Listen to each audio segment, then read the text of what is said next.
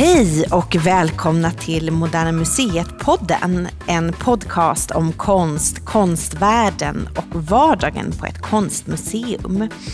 Jag heter Kristin Lundell och är pressekreterare på Moderna Museet. Och idag så ska vi zooma in på det som utgör en väldigt stor del av Moderna Museets samling, nämligen fotografi. För Moderna Museets samling innehåller omkring 100 000 fotografier från 1840-talet fram till idag. Och den på museet som har bäst koll på fotografisamlingen, det är Anna Tellgren, intendent med samlingsansvar för fotografi. Anna, välkommen till Moderna Museet-podden. Tack Kristin.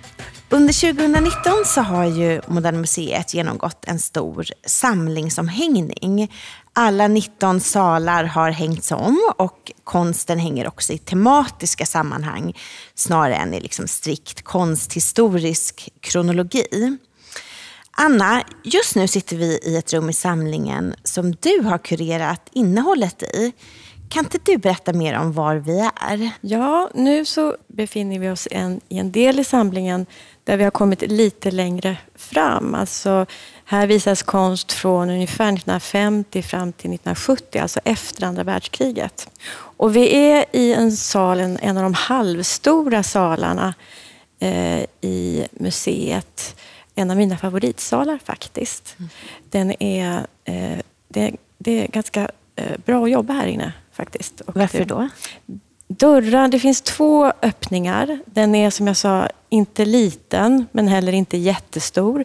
Så att man kan, man kan göra någonting här inne, en intressant berättelse mm. i den här salen. Men hade du valt den här salen eller fick du den tilldelad? Det är en kombination. Mm. Som har kommit upp i, i de, flera av de tidigare avsnitten här så är vi ju ett team som jobbar med den här eller på museet och just med den här samlingsomhängningen. Så vi har ju diskuterat fram och tillbaka hur de olika salarna ska se ut och vad man ska visa mm. på de olika platserna. Så det är väl, jag har haft en önskan om att få jobba i den här salen, men det var ju ingenting som jag kunde veta från början. Mm. Men den här salen har titeln Krig och fred. Vad betyder det? Ja, eh, det är ju så att vi jobbar med en kronologi men också med eh, tematiska presentationer. Och då är det ju så att eh, det långa 1900-talet innebär ju också eh, många krig, tyvärr. Och det är ju någonting som naturligtvis konstnärerna har tagit upp, eh, eh kommenterat, reflekterat över naturligtvis eftersom konstnärer, liksom alla, påverkas av de stora krigen. Därför kändes det viktigt att lyfta fram det någonstans i eh, den här presentationen. Mm. Och då har jag eh, plockat upp några fotografer som ingår i den eh, tradition där man presenterar nyheter av olika slag. På 1920-talet ungefär så är det ju då när småbildskameran eh, slår igenom och bildtidningarna också börjar produceras. Eh, då blir det genom eh, fotografin som nyheter presenteras för människor på ett helt annat sätt. Och de här fotograferna som jag har plockat ut här, de ingår eller kan representera den eh, delen av fotohistorien. Mm. Vad är det för fotografer? Ja, det är eh, tre stycken fotografer. Och, eh, eh, den första är Robert Capa som är kanske en av de mest kända krigsfotograferna i hela fotohistorien.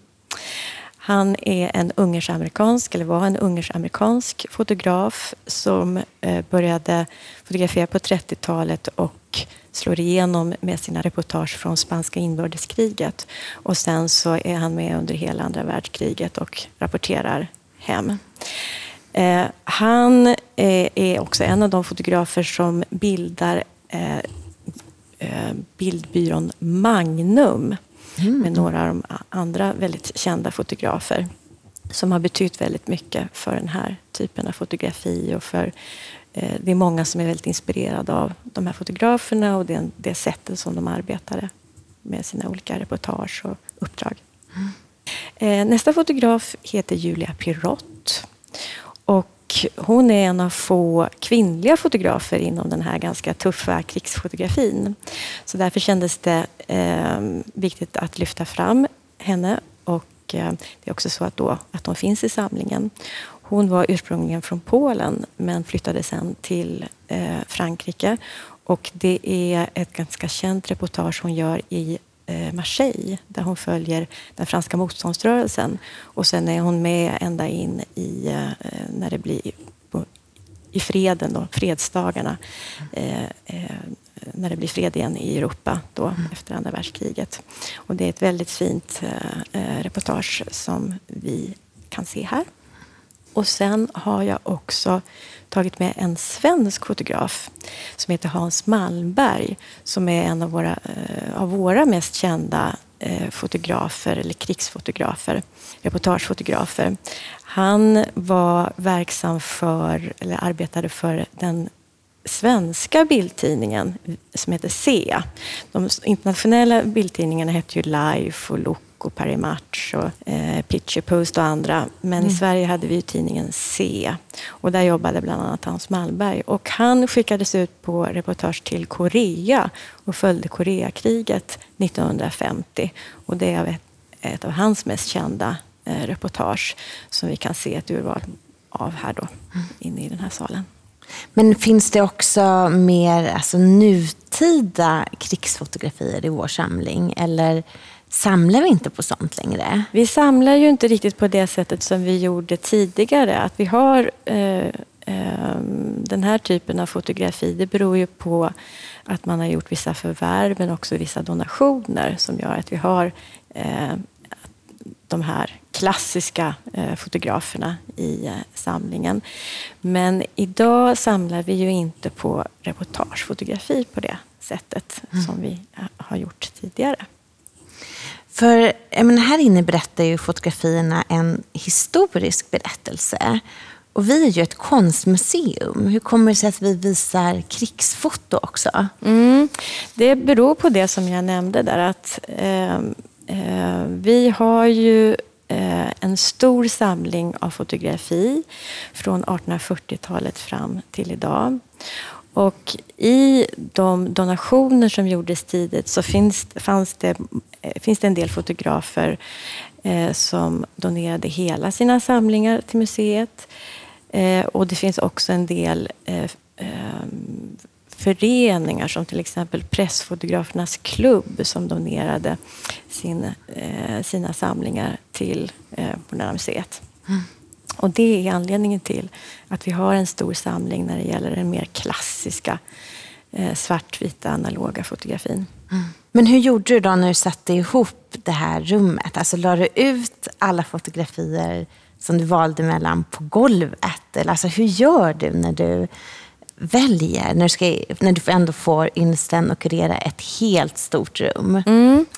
Alltså, här hade jag ju den eh, tanken, eller vi hade ju kommit fram till det, det, konceptet att jag skulle jobba med fotografi och skulptur här. För det finns ju mm. även ett antal skulpturer här av några av de mest kända konstnärerna eh, efter kriget som Pablo Picasso, Jean Fautrier och Germain Blichier. Och skulptur och fotografi fungerar ganska bra tillsammans. Och tillsammans så speglar de det, den här tiden när man försökte komma igen efter krigen och mm. så vidare. Och den ångest och sorg som också fanns självklart vid den här tiden. Sen har jag då gjort det här urvalet av fotograferna. Sen har jag tittat på vad vi har i samlingen av varje fotograf. Och då är det ju så att jag har tagit bort det som då inte passade in i det här temat som jag eh, var intresserad av att lyfta fram. Och sen har vi ju mer från varje serie, men då har jag försökt hitta en bra kombination. Eh, bilder som fungerar tillsammans. Eh, bilder som är starka. Jag vill gärna ha ett antal porträtt. Några lite mer miljöbeskrivningar så man förstår var de här personerna är någonstans, var de befinner sig. Och sen har jag också försökt jobba med eh, bilder som fungerar tillsammans med skulpturerna. Mm. Var det du som valde skulpturerna också? Ja, det är jag mm. som har valt dem. Även dem. Men det här kanske är en dum fråga, men jag tänker fotografi och liksom fotokonsten. Har den lika tydliga ismer som måleriet? Eh, absolut. Fotografin har ju gått, genomgått... Eh, I fotohistorien så finns det olika Eh, inriktningar, olika perioder. Och det har dels med tekniken att göra, hur tekniken har utvecklats. Men det har också med stil att göra, vad som har varit eh, på modet. Man kan säga väldigt förenklat att det finns liksom två riktningar inom fotohistorien. Den ena den har handlat om att efterlikna konsten eller måleriet, att försöka göra det liksom, eh, lite autofokus romantiskt och, så att det ska vara tjusigt. Och den andra har handlat mer om att försöka utgå från mediet, att göra någonting annat. Det raka, tydliga. Straight photography pratar man ofta om. Att, det liksom är, eh, att man har utnyttjat tekniken mer åt fotografihållet så att säga, eller renodla fotografin som teknik. Och de här två riktningarna, de har funnits, eh, de finns fortfarande. Det finns liksom olika vad, eh, inriktningar inom fotografin och vad man kanske tycker är det mest intressanta. Och, och, det har pendlat lite fram och tillbaka och ibland, och ibland är det den ena stilen som har varit mer inne, så att säga. Och ibland är det andra saker som har varit mer eh, intressanta. Mm. Har du själv någon eh, favorittid i fotohistorien? Alltså jag är ju jättesvag för eh, den klassiska svartvita fotografin. Alltså det är lite det som finns inne i den här salen som, där vi sitter. Eh, det är kanske det jag har... Det var där jag började, kan man säga.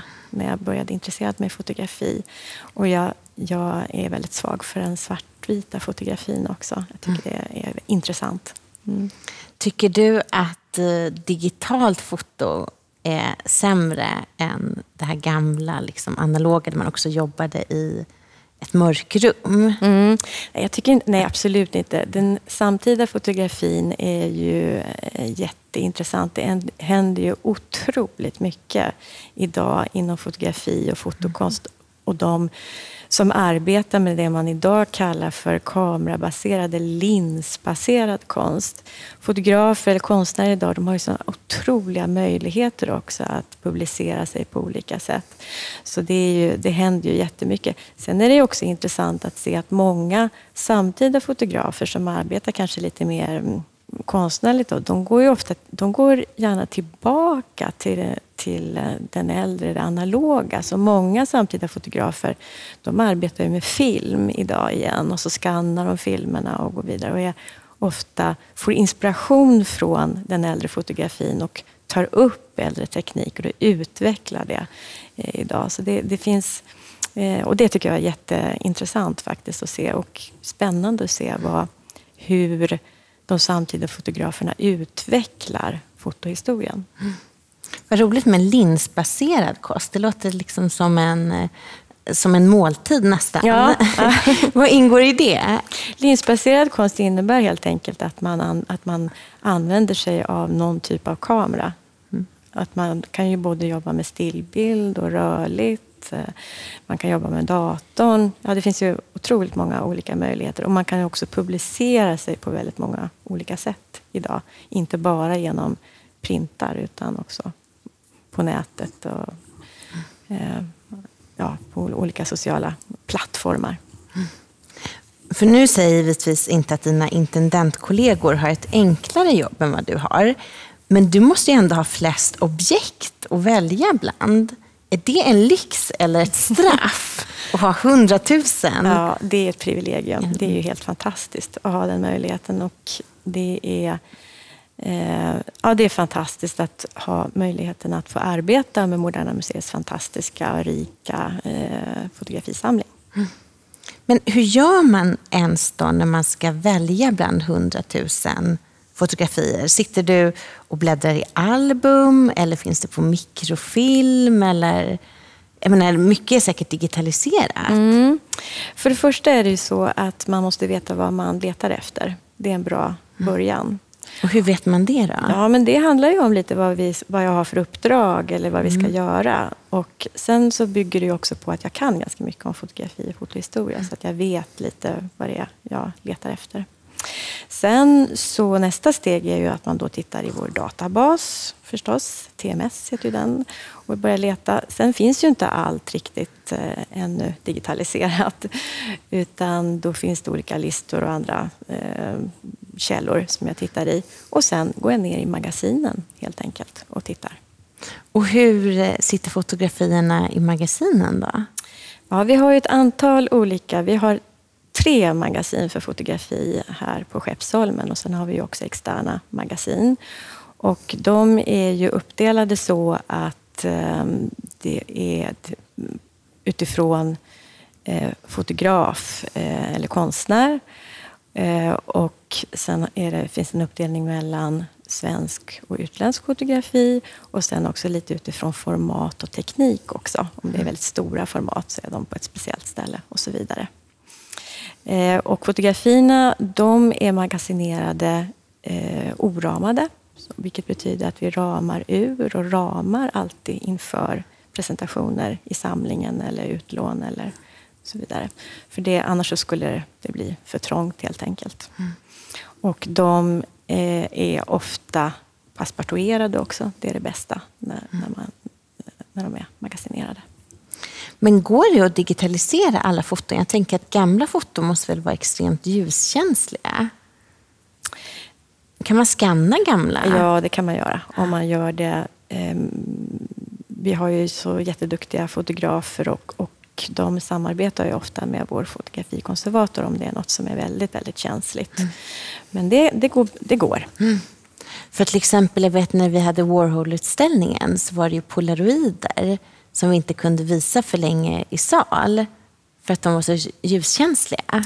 Nej, fotografi är ju väldigt ljuskänsligt så vi måste ju hela tiden tänka på det och ha eh, korrekt eh, styrka på ljuset i salarna. Eh, och bra klimat, men det har vi ju här på museet, så det är ju inte problemet. Och sen så får vi jobba med också, fotografi kan inte hänga för länge. Sen måste de ner och vila. Så där får vi jobba lite med omhängningar och, och eh, titta på det hela tiden.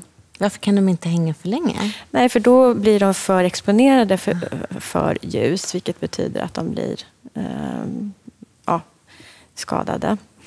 Men eh, eh, vi måste ju också kunna visa våra verk. Så att, eh, eh det, vi jobbar med det där hela tiden mm. tillsammans med våra konservatorer.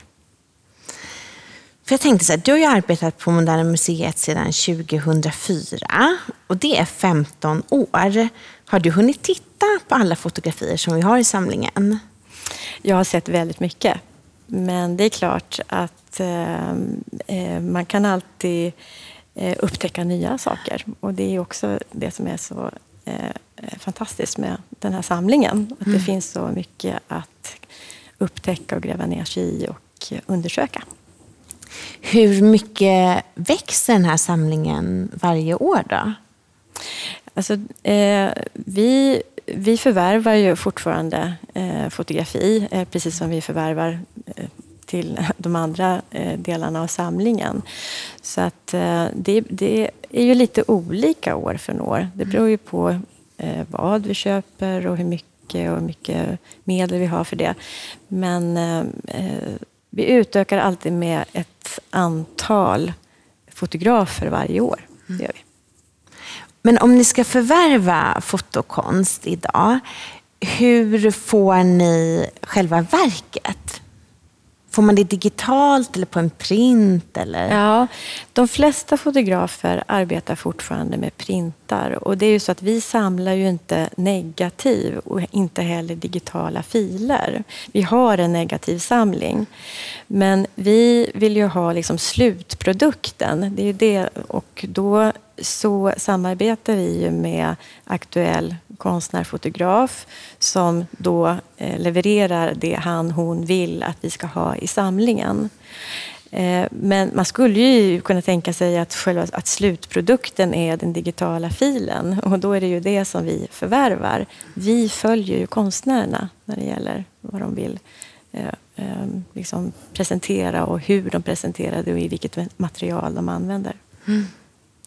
För Moderna Museet har ju en väldigt lång historia inom just fotografi. Det fanns en avdelning inom museet som hette Fotografiska museet som fanns mellan 1971 och 1998. Kan inte du berätta om, lite om Fotografiska museet och vår fotohistoria? Ja, det är ju faktiskt en ganska spännande historia. Och det var ju så att runt 1940 då började man diskutera väldigt intensivt att man ville ha ett fotografiskt museum i Sverige och samla. Det var ju i samband med 100-årsjubileet av fotografins födelse. Och det här hände inte bara i Sverige, det var ju många länder som diskuterade det vid den här tiden. Och så småningom så bildades det en förening som hette Fotografiska museets vänner. Och de började successivt samla fotografi.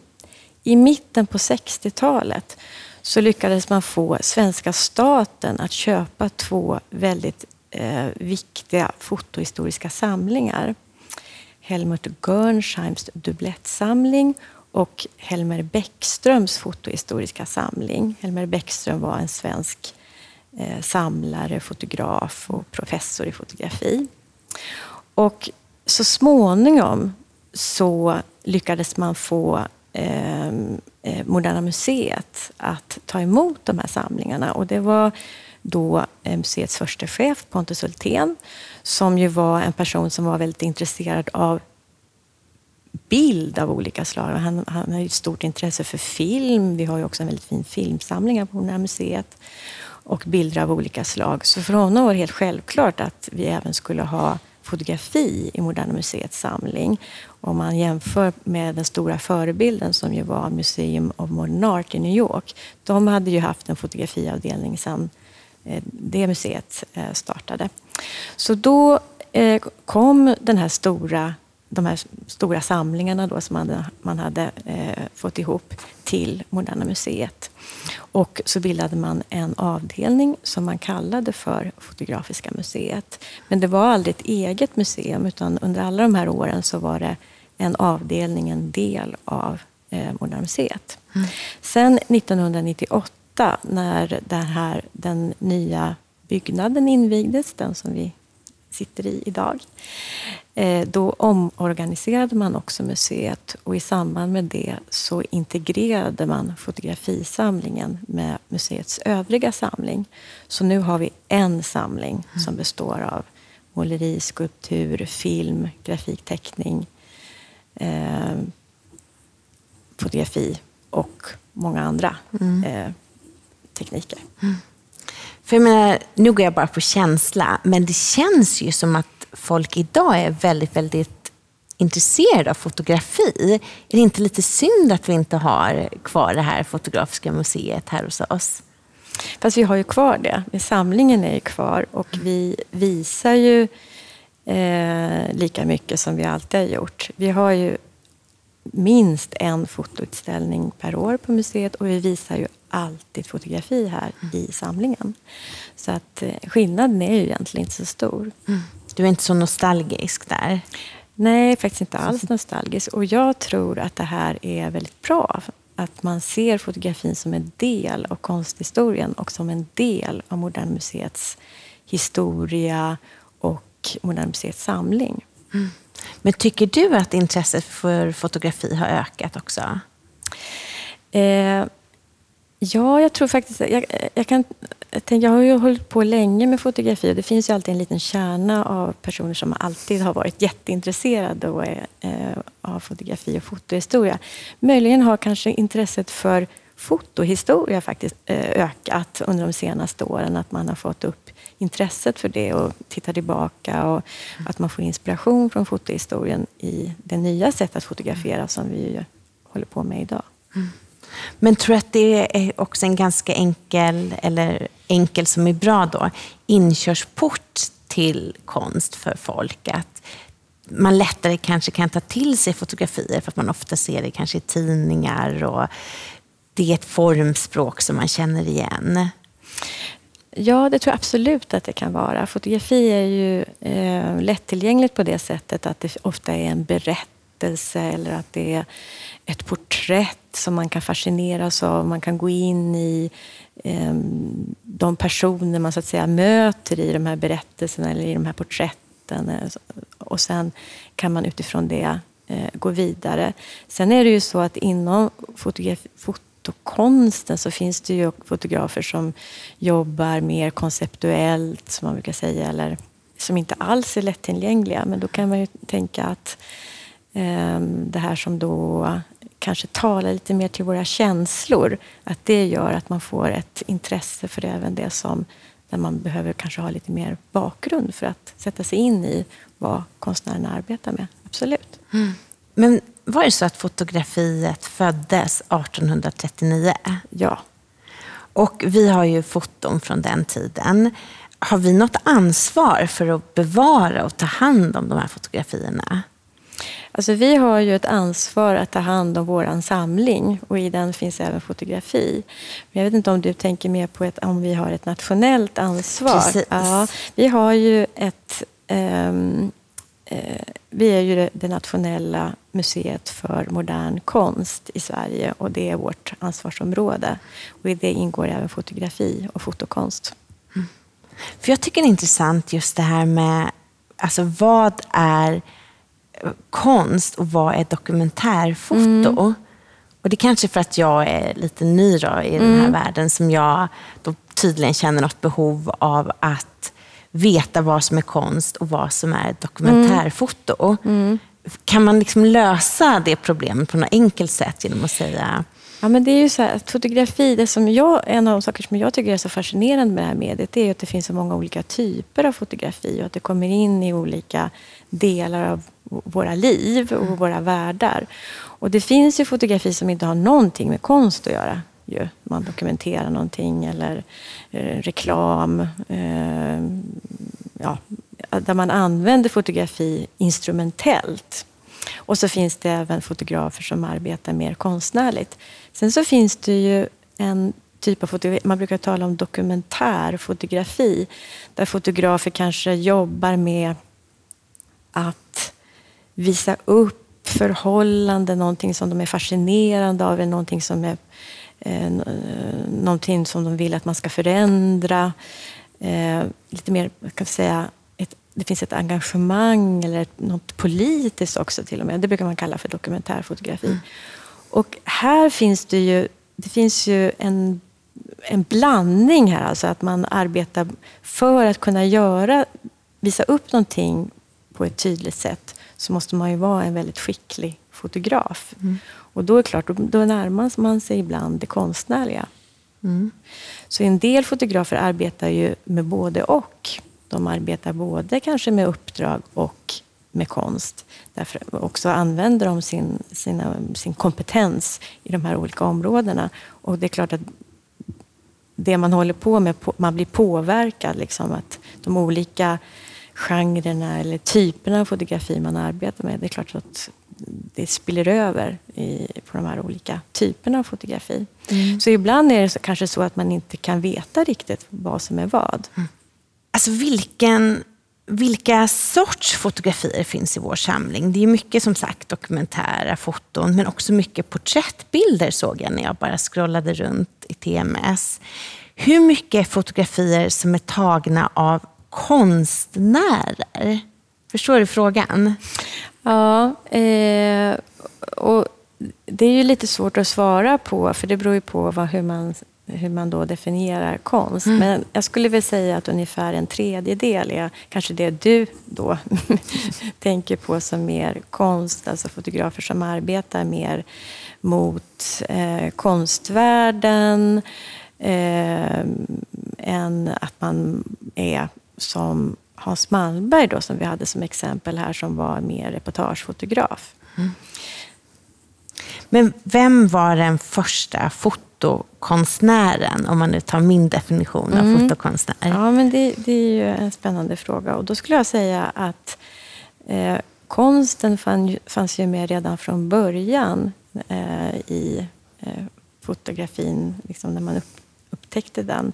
Så jag skulle säga att de de två första fotokonstnärerna är Jacques-Louis Mandé Daguerre och Henry Fox Talbot som är ju de som är de som uppfinner de här olika typerna av fotografi, som är de allra första då, på 1840-talet. Mm. Men sen finns det ju, så är det ju så att sen på 1860-talet så kommer det fram flera kända eh, fotografer eller grupperingar som jobbar lite mer konstnärligt som till exempel Julia Margaret Cameron eller den svenskfödda fotografen Oscar Gustav Reilander. Och sen runt 1900 så har vi kanske den mest kända konstfotoströmningen, eller första mera liksom uttalade, som man brukar kalla för piktorialism. Mm. Säg någon konstnär som ingår i piktorialismen. Ja, en, en svensk representant, Henry B. Goodwin till exempel. Vi har en jättefin samling av fotografier av honom. Mm. Och vem anses vara den största fotokonstnären just nu?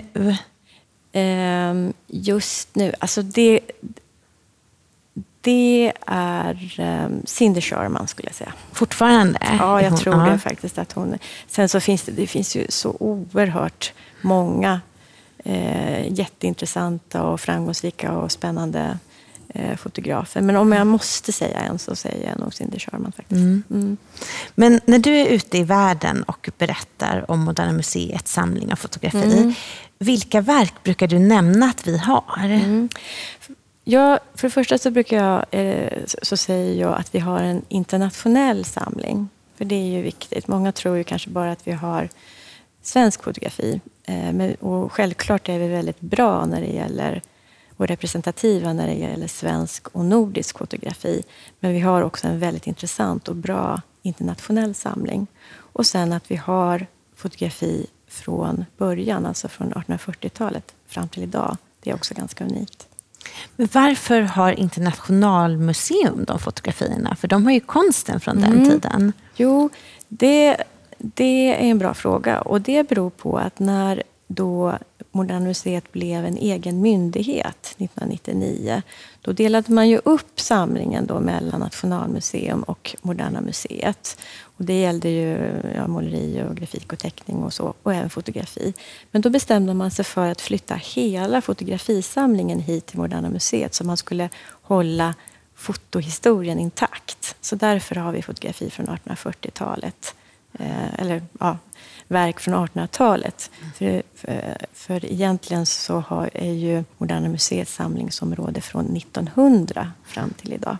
Sen är det ju så att Nationalmuseum har ju lite fotografi, för de har ju i porträttsamlingen eh, mm. även fotografier. I somras gjorde du den stora utställningen med Arthur Jaffa, en afrikan-amerikansk foto och filmkonstnär. Och just nu så vet jag att du arbetar med nästa sommars stora utställning med Annika von Hauswolf. Mm. Hur är det när man tilldelas utställningar, när man är liksom den enda intendenten med foto som specialitet? Kan du allting inom ditt skrå? Mm. Eller är det liksom mer själva materialet som blir din specialitet? Ja, man kan väl säga så här att jag har ju en bas i eh, fotografin och mina kunskaper, mitt intresse när det gäller fotografi och fotohistoria. Men sen så måste jag ju som alla andra förstås läsa in mig och, och få mer information och prata med de här konstnärerna som kommer hit och lära mig mer. Och det är ju också väldigt kul. Mm. Men att jag kan vila lite i det, att jag, jag har min bas eh, när det gäller eh, fotohistorien och kan väldigt mycket där och kan använda det i de projekt som jag jobbar med just för tillfället. Just det, och nu är det ju sju månader kvar till Annika von Hauswolf mm. öppnar. Hur långt har du kommit med den utställningen? Ja, jag jobbar ju väldigt nära med konstnären förstås och det är jättekul.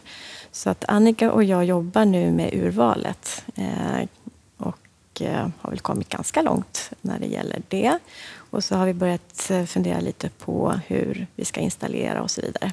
Mm. Sen är det ju så att vi har ett, eh, ett eh, vi har ju bjudit in Annika också att göra ett urval ur samlingen som hon mm. jobbar med.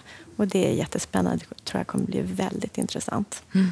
Och hur letar ni då? Sitter ni och googlar? Eller? Nej, Annika tittar i vår, eh, vår databas. Mm. Och sen så har jag också gett henne lite olika tips och idéer. Mm. Så vi, vi diskuterar det här.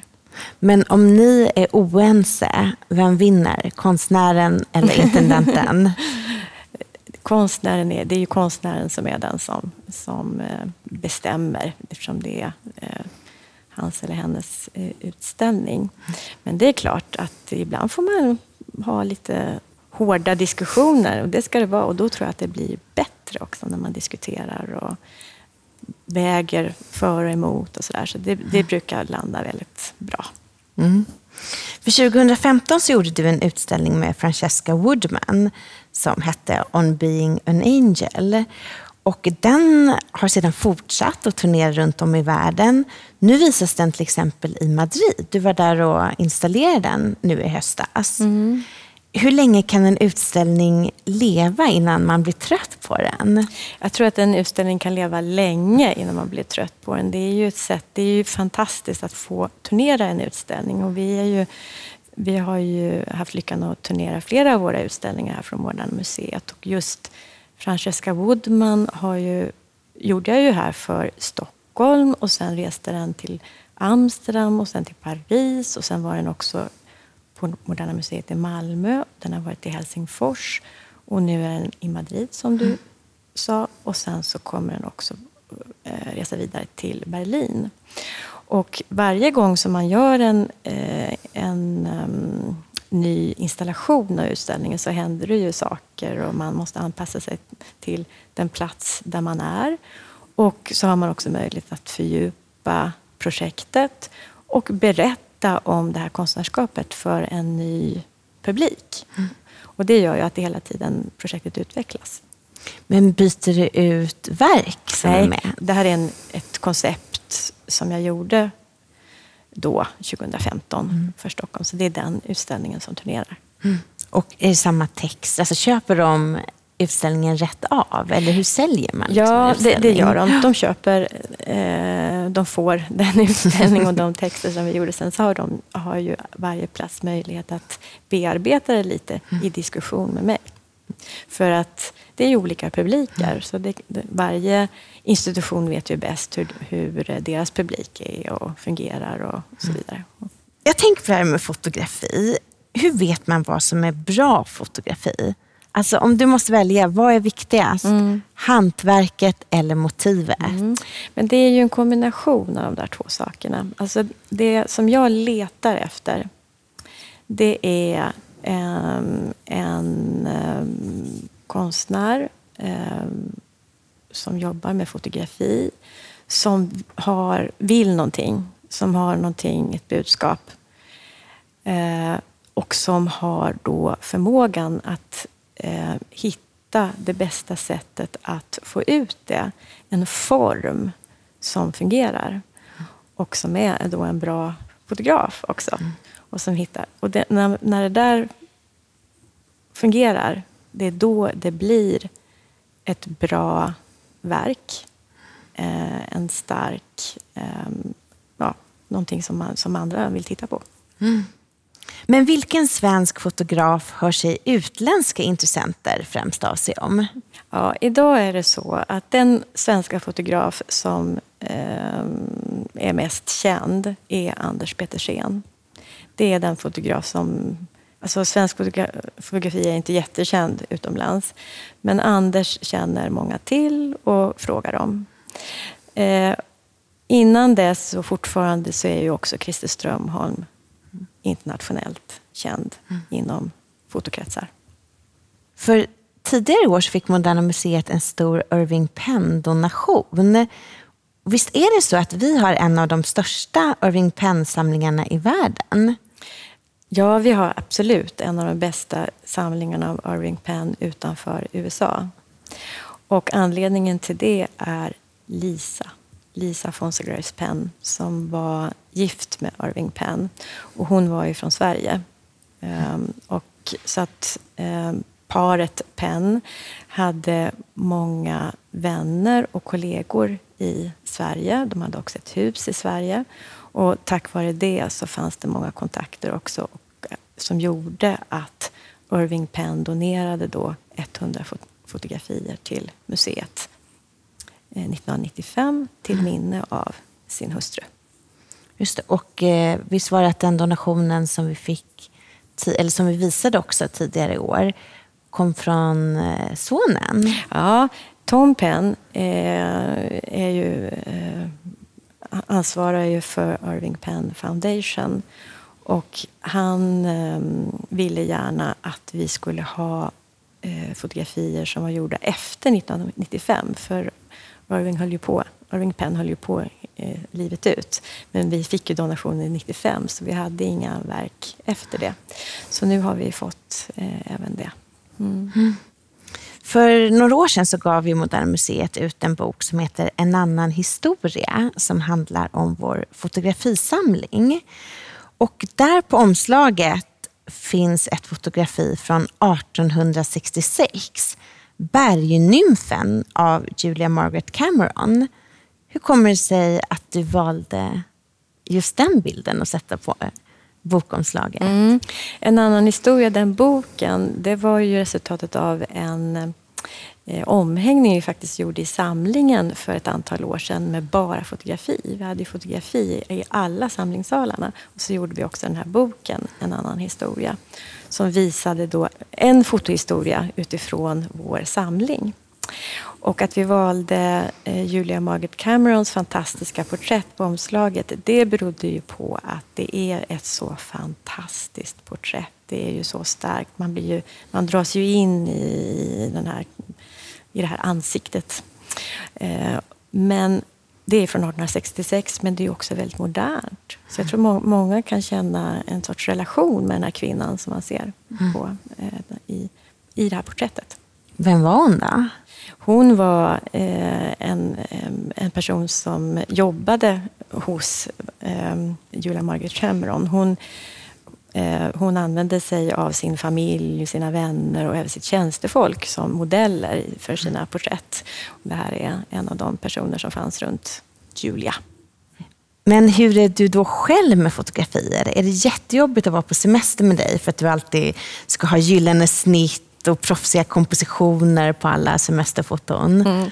Alltså jag fotograferar precis som alla andra. Jag, jag fotograferar min familj och mina vänner. Och jag har Gör du mig... kattfoton ibland? Aldrig.